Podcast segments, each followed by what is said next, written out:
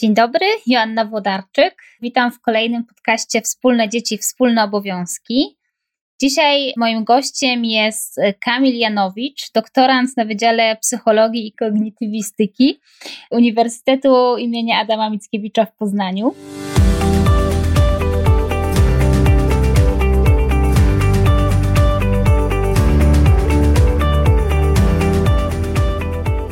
Słuchacie podcastu Wspólne dzieci, wspólne obowiązki. Rozmawiamy o urlopie rodzicielskim w Polsce i na świecie, a szczególnie o tym, jak można go podzielić między kobietę i mężczyznę. Mówimy o wszystkich zagadnieniach związanych z tym tematem: partnerstwie w związkach, wychowaniu dzieci, aspektach prawnych, uwarunkowaniach społecznych i o wielu innych ważnych kwestiach. Podcast prowadzą Karolina Andrian i Joanna Włodarczyk.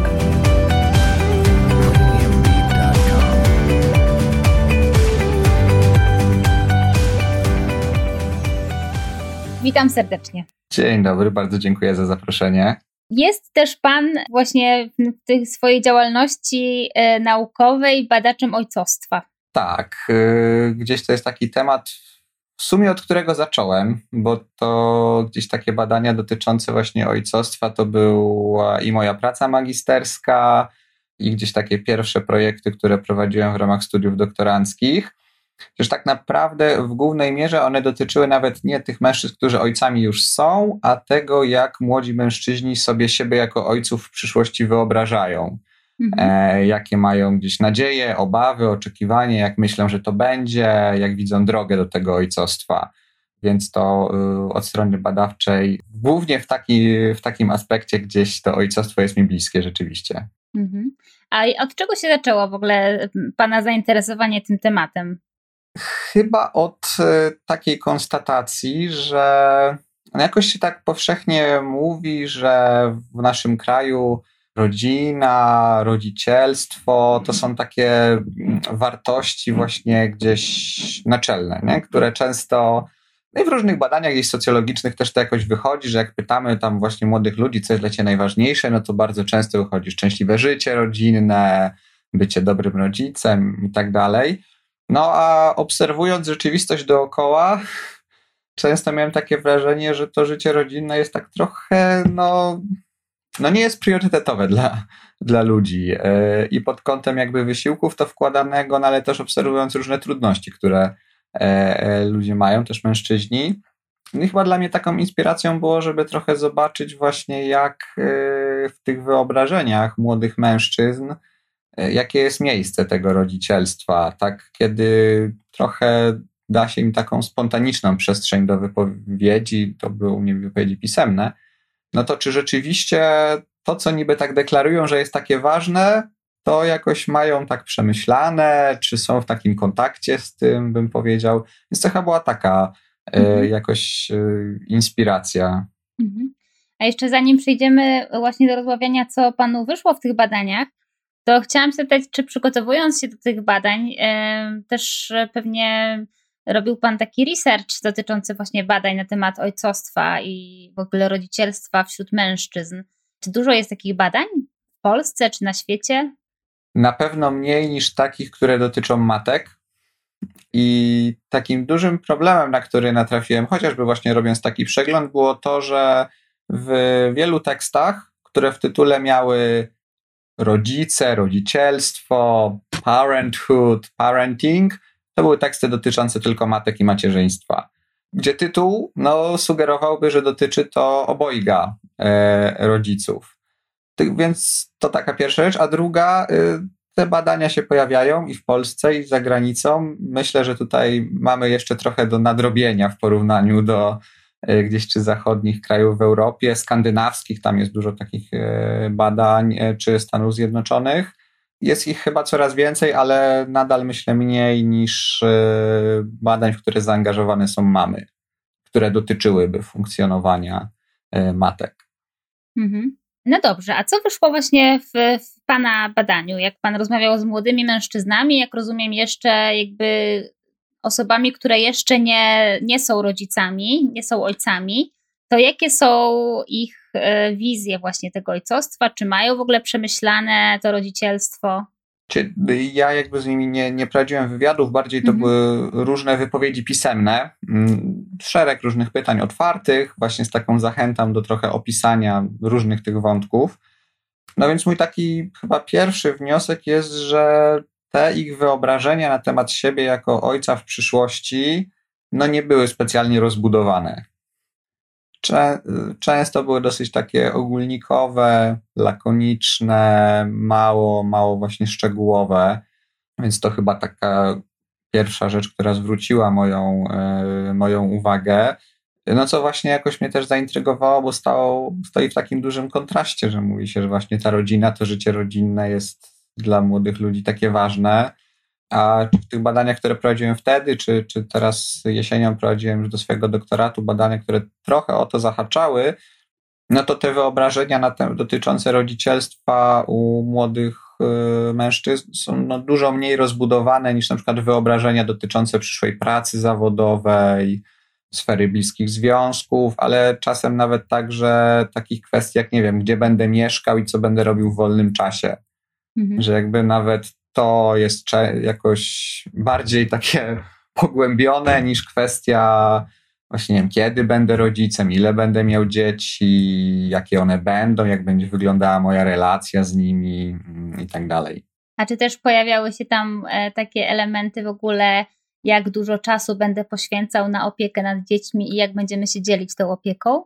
To jeśli chodzi o te badania, które robiłem do pracy magisterskiej, to tak, bo no tam też były pytania, które stricte trochę dotyczyły właśnie tego, w jaki sposób będziesz spędzał czas z dzieckiem, na ile jesteś gotowy właśnie zaangażować się w takie, nie wiem, czynności opiekuńczo-pielęgnacyjne i tak dalej. No i kiedy to były takie pytania, yy, że na przykład pytałem właśnie, nie wiem, jak często będziesz tam przewijał, nie, kąpał, no i mieli na skali jakoś to zaznaczyć, takiej graficznej, no to ten poziom takiej deklaratywnej gotowości, że będę robił to w ogóle często, tak zawsze jak będzie to konieczne, był bardzo, no dosyć wysoki bym powiedział, ale na przykład kiedy już potem tak była taka otwarta wypowiedź dotycząca właśnie form spędzania z czasu z dzieckiem, to na przykład te opiekuńczo-pielęgnacyjne kwestie pojawiały się bardzo rzadko.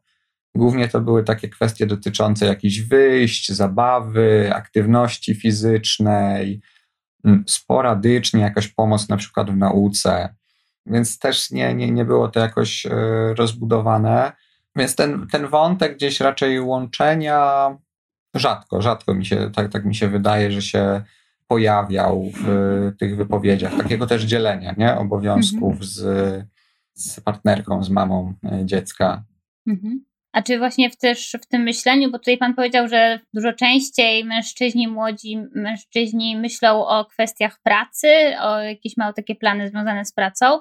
Czy w tych planach na przykład też jest taka opcja, będę trochę musiał zrezygnować z pracy na jakiś czas albo w jakimś wymiarze, żeby mieć czas na rodzicielstwo? Mm, nie przypominam sobie w tym momencie, żeby takie wypowiedzi się jakoś często pojawiały, mm, bardziej może pod takim kontekstem, że łączenie pracy z, z, byciem rodzicem, byciem ojcem to będzie jakieś wyzwanie, nie? właśnie znalezienie czasu i na jedno, i na, na drugie.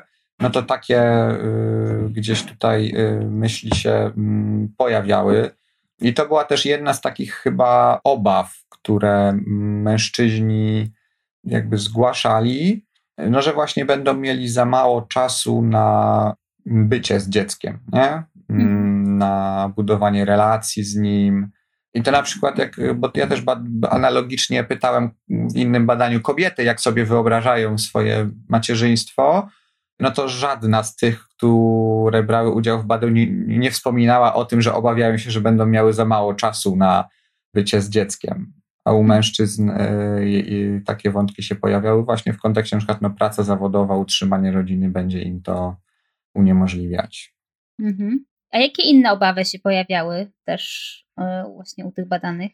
Najczęściej one dotyczyły, i to było podobnie i u kobiet, i u mężczyzn, e, trudności w budowaniu relacji z dzieckiem. Jakaś niemożność dogadania się, złapania takiego właśnie wspólnego języka, też na różnych etapach życia, prawda? Potem jakaś kwestia takiego popełnienia błędów wychowawczych, że zrobi się coś, mówiąc tak kolokwialnie, źle co będzie miało negatywny właśnie też potem wpływ na życie dziecka. Dla mężczyzn jednym z, jedną z najczęstszych obaw było to, że jakby no, jakaś zła sytuacja finansowa rodziny. I na przykład no, w tych badaniach, które prowadziłem, pojedyncze kobiety wspominały o tym, tam dosłownie 2-3%, a mniej więcej chyba 20% mężczyzn. Więc jakby tutaj ta różnica była dosyć znacząca, że tak, kwestie takie finansowo-materialne dużo częściej były gdzieś e, przestrzenią obaw mężczyzn. Mhm. Czyli można powiedzieć, że w tym badaniu widać takie odzwierciedlenie nadal takich bardziej tradycyjnego podziału ról. W dużej mierze myślę, myślę, że tak. Y, chociaż jak na przykład pytałem tych mężczyzn, jakie cechy myślę, że będą mieli jako ojcowie, nie? takie przymiotniki, no to one były takie, bym powiedział, mocno zaangażowane w relacje. Nie? Opiekuńczość, cierpliwość, yy, troska, wyrozumiałość, bycie pomocnym. Nie? Takie dosyć pozytywne, ciepłe, relacyjne byśmy, byśmy powiedzieli. Y, ale rzeczywiście często w tych wyobrażeniach no, można było znaleźć duży, duży udział takich wzorców tradycyjnych. Y, w, w innych badaniach, które prowadziłem, one były kwestionariuszowe, to troszkę inna metodologia. Taki poziom, powiedzmy, wysycenia tego tradycyjnego ojcostwa i współczesnego, jakbyśmy tak umownie nazwali, był dosyć podobny, co trochę może pokazywać, że te dwa wzorce się gdzieś w doświadczeniu młodych mężczyzn ścierają, że mhm. obecne są jakby i te kwestie takie bardziej tradycyjne i y, już takie wzorce trochę no bardziej byśmy powiedzieli współczesne, związane gdzieś z większym zaangażowaniem w relacje, większą taką też ujawnianiem swoich emocji, czułością, gotowością też poświęcenia, nie? Czasem właśnie trochę kariery zawodowej dla, dla bycia ojcem. Mhm. A czy w tych wypowiedziach ojców y, u Pana w badaniach też pojawiały się jakieś odniesienia do własnego dzieciństwa, do tego, jakiego ojca oni mieli jako dzieci? Czy chcieliby by, być podobnym ojcem, czy wręcz przeciwnie, właśnie innym ojcem?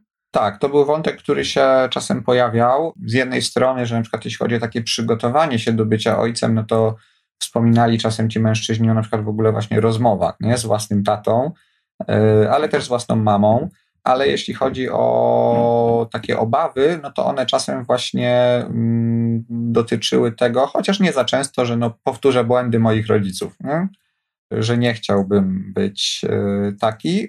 Pojawiały się też, ale raczej sporadycznie, takie wypowiedzi, że no na przykład, nie wiem, no mój tata bardzo fajnie mnie wychowywał i chciałbym być podobny do niego, nie? albo Y, czasem to też było jakieś takie wzorce dotyczące tego, jaka była mama jako rodzic, nie? Aczkolwiek te odwołania, przynajmniej w tych badaniach, które ja prowadziłem, te odwołania do własnych doświadczeń nie były jakoś częste.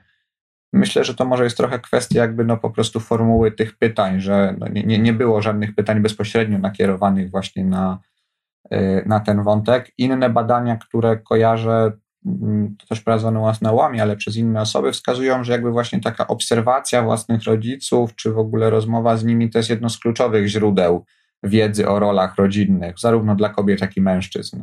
Więc można podejrzewać, że te wzorce rodzinne no tutaj będą miały spore znaczenie. Mhm. No tak.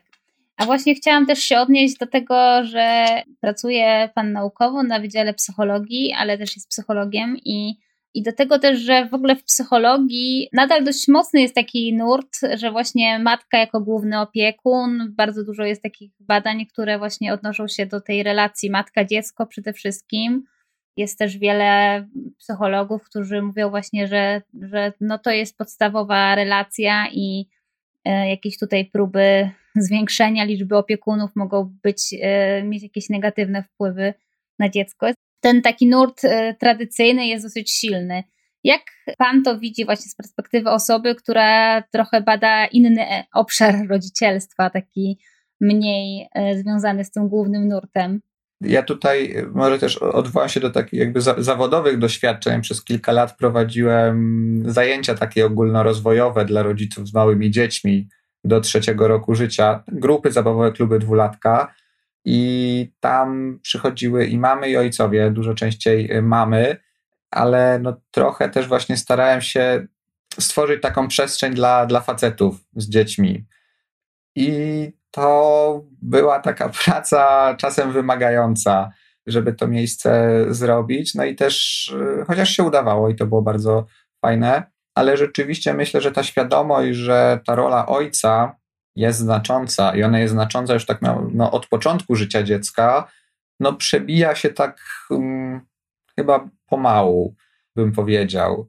Nawet jak prowadzę zajęcia ze studentami, rozmawiamy o tym, jakie na przykład zmiany dotykają partnerów w czasie ciąży, kiedy oczekują na dziecko, też co się może zmienić, no to często jest tak, że no mężczyzna, jakieś takie wskazówki dla mężczyzny, żeby właśnie nie wiem, odciążył kobietę w domowych rzeczach. Jeszcze tak mówię, no ale tu zakładają państwo, że to zawsze to, że to kobieta głównie się tym zajmuje.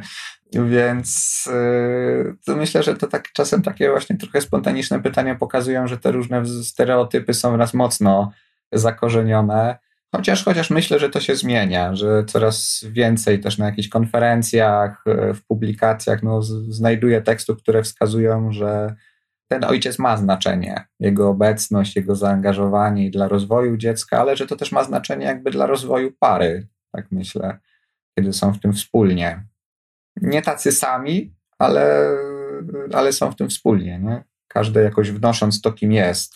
Mhm. Ale y, właśnie jeszcze z perspektywy takich psychologii jako nauki, czy pan widzi tutaj właśnie też taką zmianę y, jakby na poziomie takim meta, jakimś, która zachodzi jakoś powoli, czy, czy jeszcze nie?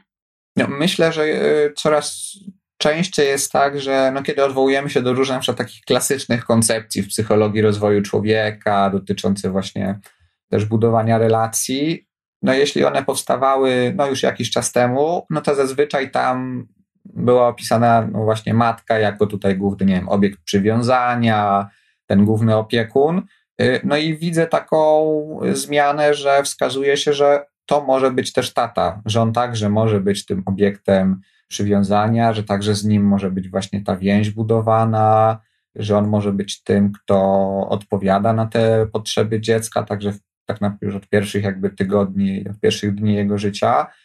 Więc na poziomie takim trochę właśnie mm, no, polemizowania z tymi teoriami, takimi klasycznymi, i rozszerzania ich trochę o obecność ojców, to widzę. Widzę to też na przykład u moich studentów. Jak jakiś czas temu właśnie na zajęciach z psychologii rozwoju o różnych takich rzeczach dyskutowaliśmy, no to oni często zwracali uwagę, że w tych klasycznych koncepcjach, że one są właśnie takie tradycyjne, nie? że rodzina to jest gdzieś sfera kobiet, praca zawodowa, aktywność społeczna to jest sfera mężczyzn. Mówili, no ale te ścieżki rozwojowe mogą być różne. Nie? Więc y, myślę, że to się zmienia, co uważam za dosyć dobre, że jakby rozszerzamy to nasze rozumienie tych zjawisk, tego jak jako kobiety i mężczyźni w tym rodzicielstwie funkcjonujemy. Mhm. A czy w Pana badaniach albo w jakichś innych badaniach, które Pan zna, pojawiały się tematy właśnie urlopów rodzicielskich dla ojców, czy w ogóle takiego czasu, kiedy właśnie głównym opiekunem jest tata, zostaje z dzieckiem, mama, nie wiem, wraca do pracy, czy w ogóle ten temat się pojawia w, w badaniach? Cię ko kojarzę, na pewno też kojarzę chyba badania pani doktor Biercy, która chyba z Państwem współpracuje. E, wydaje mi się, że ona gdzieś prowadziła e, takie badania dotyczące korzystania chyba z urlopów ja, jak w tych badaniach do pracy magisterskiej, które pytałem, no to tam na przykład y, w tym wątku dotyczącym gdzieś właśnie godzenia rodzicielstwa z innymi obszarami życia, trochę gdzieś niektórzy o tym wspominali, ale raczej to było tak, że częściej kobiety wspominały o tym, że będą rezygnować z pracy w związku z byciem mamą, z, zosta- z zostaniem rodzicem. No nie było takich wypowiedzi u mężczyzn, przynajmniej u mhm. tych, którzy y, brali udział w moim w moim badaniu. Nie przypominam sobie też, żeby któryś się odwoływał, że będzie właśnie dzielił ten urlop e, rodzicielski.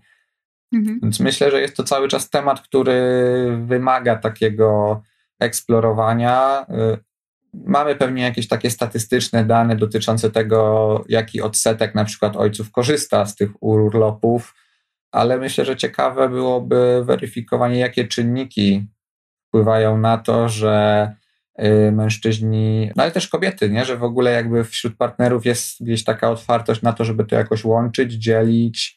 Czy to w ogóle wszyscy by chcieli, prawda? Czy co spostrzegają jako ograniczenia, co by im pomogło.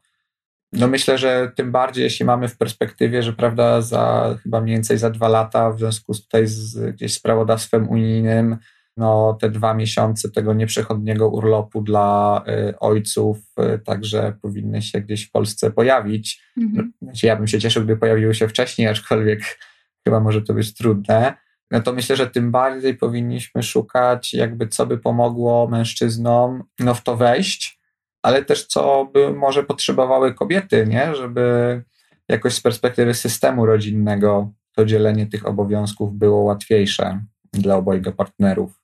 Mhm. Tak, no z danych ZUS-u wiemy, że osoby, wśród osób, które pobierają zasiłek na urlopie rodzicielskim, 1% e, stanowią mężczyźni. I to się nie zmienia od lat, znaczy odkąd zostało wprowadzone, to od kilku lat, nie, nie dłużej. Tak. Ale to jakby niestety jest taki stały odsetek, w sensie nie zwiększa się. Mhm. Ale czy Pana zdaniem właśnie jest szansa, że dzięki temu wprowadzeniu tych dwóch takich nieprzechodnich miesięcy, e, żeby właśnie tutaj jakby to się zmieniło, żeby tu się ten e, obszar właśnie opieki nad dzieckiem w tym pierwszym roku życia trochę też przesunął na ojców ten kwestia właśnie opieki? Myślę, że dużo zależy od tego, w jaki sposób ta zmiana będzie wprowadzona i czy to przyznanie tych dwóch miesięcy ojcowskich, tak byśmy powiedzieli, będzie się wiązało z jakimś ograniczeniem y, świadczeń, które może wykorzystać y, kobieta. Y, no bo możemy sobie wyobrazić, że no to będzie rozwiązane tak, że po prostu z tych tygodni, które są do dzielenia, prawda, no, będzie jakoś to wydzielone, będzie tylko to, co przypada na ojca, więc gdyby na przykład partnerzy stwierdzili, że no, ojciec nie chce z tego rezygnować, no to de facto mieliby ten urlop krótszy, prawda? Mhm. Może być tak, że po prostu te dwa, dwa miesiące zostaną dodane. Myślę, że wtedy, y, no, gdyby było założenie, że w tym czasie, jak ojciec będzie na urlopie, to matka nie ma takiej możliwości. Gdyby to dotyczyło tylko pierwszego roku życia dziecka, to obawiam się, że nie przyczyni się to samo w sobie do, do tych yy, zmian. Myślę, że mogłoby być atrakcyjne jakby dla partnerów, jeśli oni by mogli razem w jednym momencie tę opiekę yy, sprawować, na przykład na początku, albo no potem gdzieś w tych na przykład jeszcze kolejnych latach życia dziecka, gdyby to było, nie wiem, do drugiego życia, roku życia rozciągnięte, że mhm. wtedy mógłby ojciec, kiedy też yy, łatwiej pewnie często mężczyznom jest już, e, no też chociażby kwestia, nie wiem, karmienia i tak dalej, prawda? Łatwiej dziecku jest zostać dłużej bez, bez mamy. Ale myślę, że kluczową kwestią będzie to, na ile jakby mężczyźni też uzyskają takie wsparcie i kompetencje, które y, pomogą im się poczuć, że okej, okay, ja sobie dam radę przez te dwa miesiące.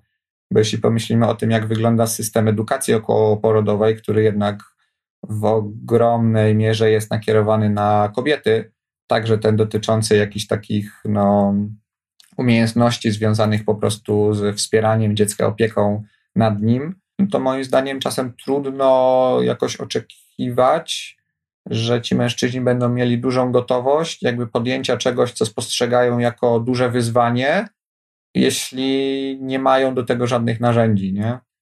Umiejętności, jeśli czują się w tym niepewnie, no a dodatkowo jednak mimo wszystko tak społecznie jeszcze jest to czasem postrzegane jako dosyć dziwne, nietypowe.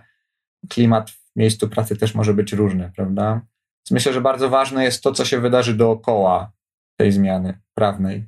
A czy jest coś właśnie, co Pana zdaniem mogłoby sprawić, że y, ta zmiana postrzegania właśnie podziału opieki nad dzieckiem mogłaby też dotyczyć tego pierwszego roku życia, bo właśnie to jest też taki ten pierwszy rok życia to jest taki najbardziej właśnie, najczęściej uznawany, że to jest właściwie cały taki rok, który mama powinna być e, mhm. z dzieckiem. Czy jest e, coś, co mogłoby przekonać i ojców, i matki, i w ogóle społeczeństwo, że, że właśnie też w tym pierwszym roku życia ojciec może być takim zaangażowanym e, opiekunem, a nawet właśnie głównym opiekunem, szczególnie tej drugiej części roku, kiedy już dziecko właśnie na przykład nie jest całkowicie karmione piersią, jeżeli jest karmione? Myślę o kilku rzeczach. Pierwsza to jest właśnie już to, jakby z czym mężczyzna się styka y, w okresie ciąży i w tym okresie okołoporodowym, na przykład w szkołach rodzenia, w różnych publikacjach. no gdzie często, trochę tak jak mówiłem, tam nadal y, jakby jest bardzo wyraźnie podkreślone, że jakby ta opieka nad dzieckiem, zajmowanie się nim, to jest kwestia mamy. Jeśli się nie mylę, to nawet od strony takiej prawnej w tych standardach okołoporodowych, kiedy jest wypisane, jakie świadczenia przysługują w okresie ciąży i porodu, to tam wspomniana jest tylko kobieta, tak, tak mi się wydaje. Także w kontekście tych takich działań, powiedzmy, profilaktycznych, edukacyjnych. Więc od strony chociażby takiej prawnej, de facto, yy, jeśli się nic nie zmieniło tam w ostatnich dwóch, trzech latach, no to mężczyzna jest w takiej sytuacji, że trochę dostaje komunikat, no tobie tutaj za bardzo nic nie przysługuje, jakieś wsparcie, żeś mógł się do tego przygotować. To w ogóle nie jest takim podmiotem w tym obszarze. Tak. Szkoły rodzenia no, czasem tworzą nie? różne formuły dla, yy, dla ojców. Yy, czasem oni mogą uczestniczyć w tych kursach ogólnych, czasem nie, czasem są jakieś zajęcia dodatkowe, ale często one są dodatkowo płatne. No ja na przykład teraz, jeśli mogę z takiego osobistego wątku, bo z żoną oczekujemy na właśnie narodziny dziecka, no to jeśli chodzi o takie chociażby zajęcia praktyczne dotyczące, nie wiem, przewijania, kąpania, noszenia, żona może uczestniczyć w takich warsztatach bezpłatnie. Jeśli ja chcę w nich wziąć udział, muszę dodatkowo zapłacić. E, jako mężczyzna. Myślę, że to też jakby w dobie pandemii trochę jakby ten dostęp został ograniczony, ale w pierwszej kolejności wskazałbym jakby na to, no bo to jest jakby cały system, który już trochę na początku daje często taki komunikat, to jest sprawa kobiet. Facet fajnie, żeby trochę pomagał, ale no nie jest tutaj właśnie takim podmiotem. Myślę, że to jest fajnie, że to pani powiedziała, że to w ogóle nie, chyba ciągle nie buduje takiego właśnie podmiotowego podejścia. Możemy sobie pomyśleć też, nie wiem, o takich rzeczach, jak na przykład aplikacje ciążowe czy rodzicielskie. W Polsce nie ma żadnej aplikacji, która byłaby dedykowana mężczyznom. Wszystkie są jakby dla kobiet. Jeśli jest tam jakaś zakładka partner, to to bardziej zakłada takie dosyć pośrednie, że to kobieta jakby wprowadza tego mężczyznę, no i ona jakby tutaj to wszystko e, moderuje. Trochę nie ma takiej przestrzeni, gdzie ten mężczyzna mógłby jakby sam w to wejść i właśnie tak podmiotowo, okej, okay, to jest kawałek mojego życia, jestem ojcem, angażuję się, to ja sam jakoś aktywnie, nie wiem, poszukuję informacji. Więc to taka rzecz. No myślę, że to, co może być bardzo wartościowe, to promowanie różnych wzorców pokazujących, że można inaczej i to może być jakiś obszar spełnienia satysfakcji zarówno dla ojca, dla mężczyzny, jak i kwestia tego, że to wspiera rozwój dziecka i na poziomie gdzieś badań naukowych, ale też na poziomie takich przekazów społecznych, nie? pokazania osób, które się angażują, nie? mężczyzn, którzy są obecni już na początku życia dziecka. No tak, jak my byliśmy na, z mężem na szkole rodzenia, to, y, to akurat mogliśmy we wszystkim razem uczestniczyć. Natomiast y, y, też to mi się podobało, że nam położne mówiły, że taka rzecz, która całkowicie może od początku do końca robić tata, to jest kompanie dziecka i że to może być taka rzecz, którą e, od razu e, jakby zajmuje się tata i jest w tym ekspertem. I pamiętam, że później właśnie jakieś moje koleżanki się mnie dopytywały o kwestie kąpieli, jakieś tam jaka wanienka, coś tam. To ja zawsze musisz, co musisz zapytać mojego męża, bo ja nie wiem. Ja się tym nie zajmowałam. I też e, to, to było akurat takie, e, wydaje mi się, dobre, bo wtedy jakby tak e, pokazuje, że jest taki obszar ekspertyzy, który mo można zupełnie przekazać, nie ma, nie ma problemu. Tak, no ja myślę, że no tak naprawdę poza karmieniem piersią, no to mężczyzna jakby jest w stanie w podobny sposób tak samo dobrze robić wszystkie te rzeczy wokół dziecka, właśnie, nie wiem, kąpanie, przewijanie, ubieranie, noszenie i tak dalej, nie? No, że raczej nie wydaje mi się, że jest to uwarunkowane genetycznie. Zdecydowanie. To jeszcze na koniec zapytam, a czy Państwo planują się podzielić urlopem w związku z tym?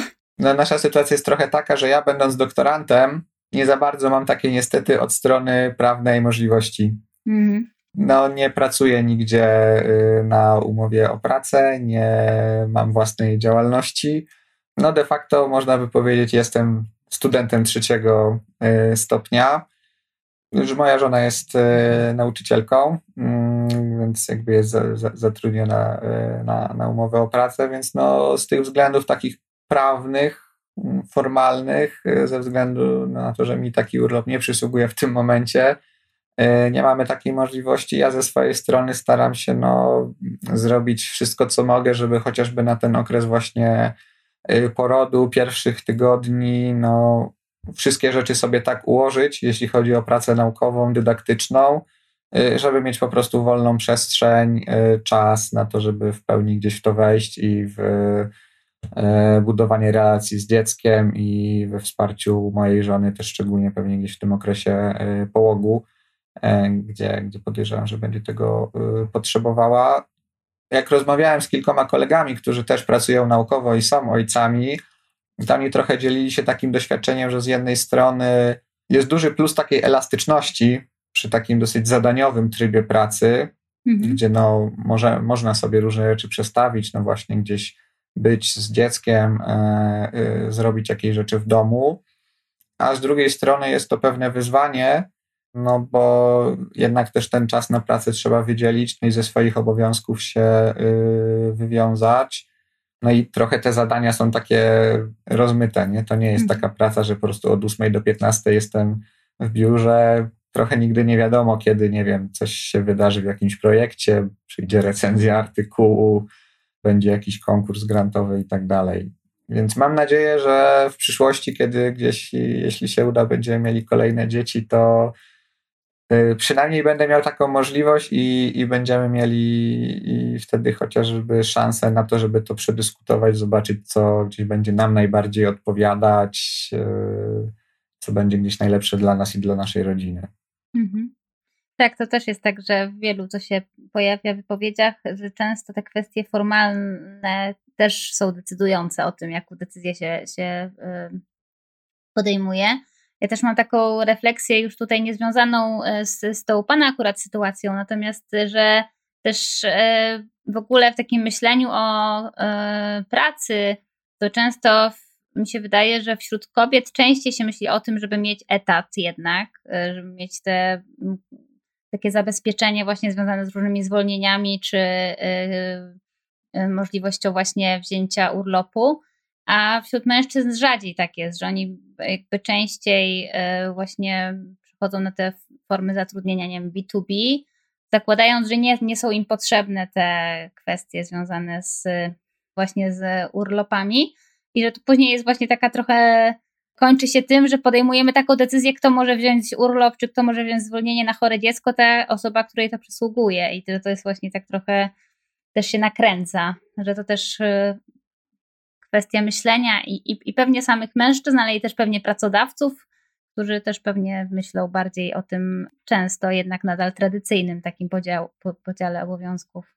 Tak, no myślę, że to jest ważny aspekt, ten taki właśnie formalno-prawny i no, dużo myślę zależy od tego właśnie, jak będzie się to zmieniać i kształtować na tym polu mm, i wokół tego, pod względem właśnie dostępności w ogóle takiej możliwości dzielenia się tą opieką i w tych pierwszych y, miesiącach, pierwszych latach, ale także w przyszłości, nie? No bo chociażby takie kwestie, gdzieś jakieś badania y, czytałem właśnie dotyczące brania właśnie opieki na dziecko chore, no to tam wyniki były takie, że tam no, pojedynczy mężczyźni w ogóle relacjonowali, że kiedykolwiek zrobili to w swoim życiu.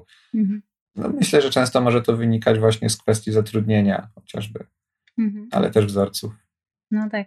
Rozumiem, że y, dalsze plany to są związane właśnie z doktoratem, ale tutaj też Pan wspominał wcześniej o jakichś swoich planach y, związanych właśnie z upowszechnianiem wiedzy na temat ojcostwa. Tak, y, więc jedna rzecz to doktorat mój stricte ojców nie dotyczy, ale teraz na przykład z kołem naukowym, który, gdzie jestem opiekunem, rozpoczynamy taki projekt właśnie dotyczący edukacji okołoporodowej dla ojców. W ogóle chcemy zobaczyć, jaka jest dostępność tej edukacji dla mężczyzn, jak ona jest przez mężczyzn spostrzegana, ale także na przykład jak kobiety spostrzegają właśnie zaangażowanie swoich partnerów y, w to, czy to jest ich perspektywy ważne, czy by chciały, czego by od tego oczekiwały. Y, więc to jest mi bliskie, ale też y, ostatnio trochę chyba zmotywowany osobistymi doświadczeniami stworzyłem taką przestrzeń i na Facebooku i jako strona www to się nazywa Fathering na www.fathering daily. Na razie jeszcze tam wordpress.com. Chciałbym, żeby to było takie miejsce właśnie gdzieś poświęcone ojcom i ojcostwu z trochę takiej bardziej naukowej i praktycznej perspektywy. Właśnie o wynikach badań dotyczących funkcjonowania ojców, roli ojca w życiu dziecka, tego jakie to ma znaczenie i psychologicznie, i tak społecznie. Więc jeśli gdzieś jest to dla kogoś interesujące, to, to zapraszam serdecznie. Będziemy zaglądać. Bardzo dziękuję e, za rozmowę. Życzę dużo cierpliwości i e, snu w najbliższym roku. Tak. I powodzenia. E, może później będziemy mogli się za jakiś czas spotkać i porozmawiać o tym, jak w praktyce to wszystko wygląda. Ale Ci dziękuję dzisiaj za rozmowę na temat y, badań e, dotyczących ojcostwa. E, bardzo, bardzo była ciekawa i mam nadzieję też, że dla Państwa, którzy słuchają, by była interesująca i że tych badań po prostu będzie coraz więcej i będzie można coraz więcej o nich mówić. Ja bardzo dziękuję za zaproszenie i, i miłą rozmowę i życzę powodzenia w tych wszystkich dobrych, dobrych działaniach na rzecz i wspierania ojców i wspierania mam w tym rodzicielstwie. Dziękuję bardzo. Podcast prowadzony w ramach działań Fundacji Share the Care.